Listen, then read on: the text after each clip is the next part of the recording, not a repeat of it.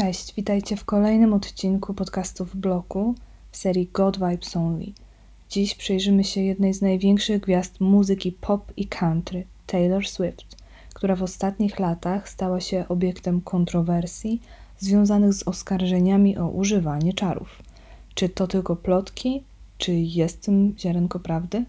Przyjrzyjmy się bliżej tej historii. Zacznijmy od tego, że Taylor Swift to jedna z najpopularniejszych artystek na świecie. Jej piosenki zdobyły serca milionów fanów, a albumy regularnie biją rekordy sprzedaży. Jednak w ostatnich latach pojawiły się oskarżenia, że jej sukces nie jest tylko wynikiem talentu i ciężkiej pracy. Taylor Swift od dawna była obiektem zainteresowania mediów.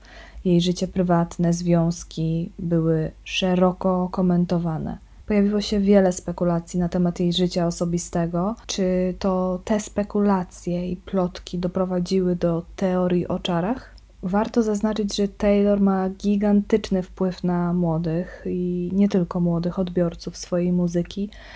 Wielomilionowe zasięgi w mediach społecznościowych pozwalają jej przemycać pewne znaki, symbole, które bardzo często podawane są w sposób podprogowy, niemal niezauważalny.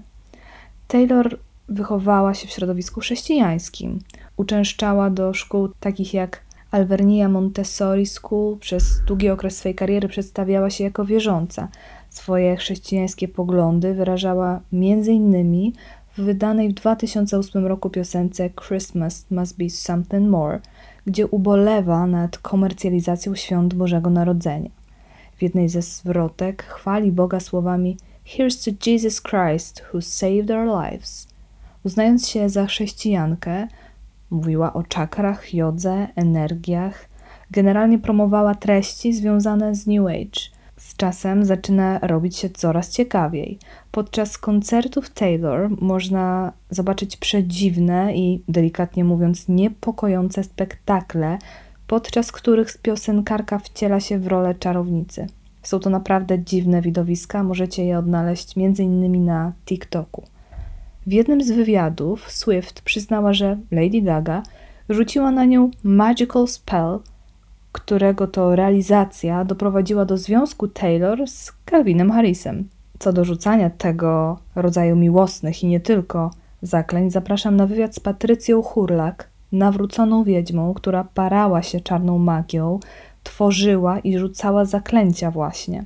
Premiera wywiadu 23 października. Jeżeli dzisiejszy odcinek obejrzycie już po publikacji, sprawdźcie opis, tam załączę link do wywiadu z Patrycją. Zaznaczam tylko, że tego rodzaju praktyki są oczywiście demoniczne, niezwykle niebezpieczne i mają, cóż, datę ważności.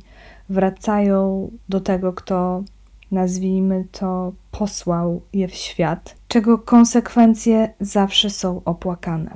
Wracając do Taylor, treści, które przekazuje w swoich piosenkach są dalekie od chrześcijańskich wartości i nie chodzi o to, żeby w popowych czy country utworach nieustannie śpiewać o Bogu, chociaż byłoby miło, a o fakt, że Swift według wielu przemyca w muzyce i tekstach zaklęcia. Brzmi jak żart, Wyobraźcie sobie, że, że wiele poważanych źródeł pisało o tym, że fani Taylor po uczestniczeniu w jej show tracili pamięć, po prostu doznawali amnezji. Rzesza fanów twierdzi, że z ich pamięci całkowicie wymazany jest moment koncertu. E, są w stanie przypomnieć sobie jedynie wszystko, co działo się przed i po show. Natomiast całość koncertu jest totalnie wymazana. Przy okazji wspominania o tego rodzaju koncertach. Polecam świadectwo Leszka Dokowicza, który opowiadał o tym, jak częstotliwość muzyki może wpłynąć na mózg i do czego może doprowadzić. Uwaga, ostrzegam, że to jest naprawdę mocne świadectwo. Czy sprawa Taylor to teoria spiskowa? Trudno powiedzieć. Wiemy, że Hollywood to środowisko głęboko okultystyczne, które za pośrednictwem, niestety trzeba to tak nazwać, pionków, postaci piosenkarzy, aktorów, influencerów promuje konkretne treści, w szczególności satanistyczne. Kolejnym przykładem w twórczości Taylor jest piosenka Karma, przykładem tego, że jednak ten okultyzm jest jej bliski. W piosence tej Taylor podkreśla, że karma jest Bogiem.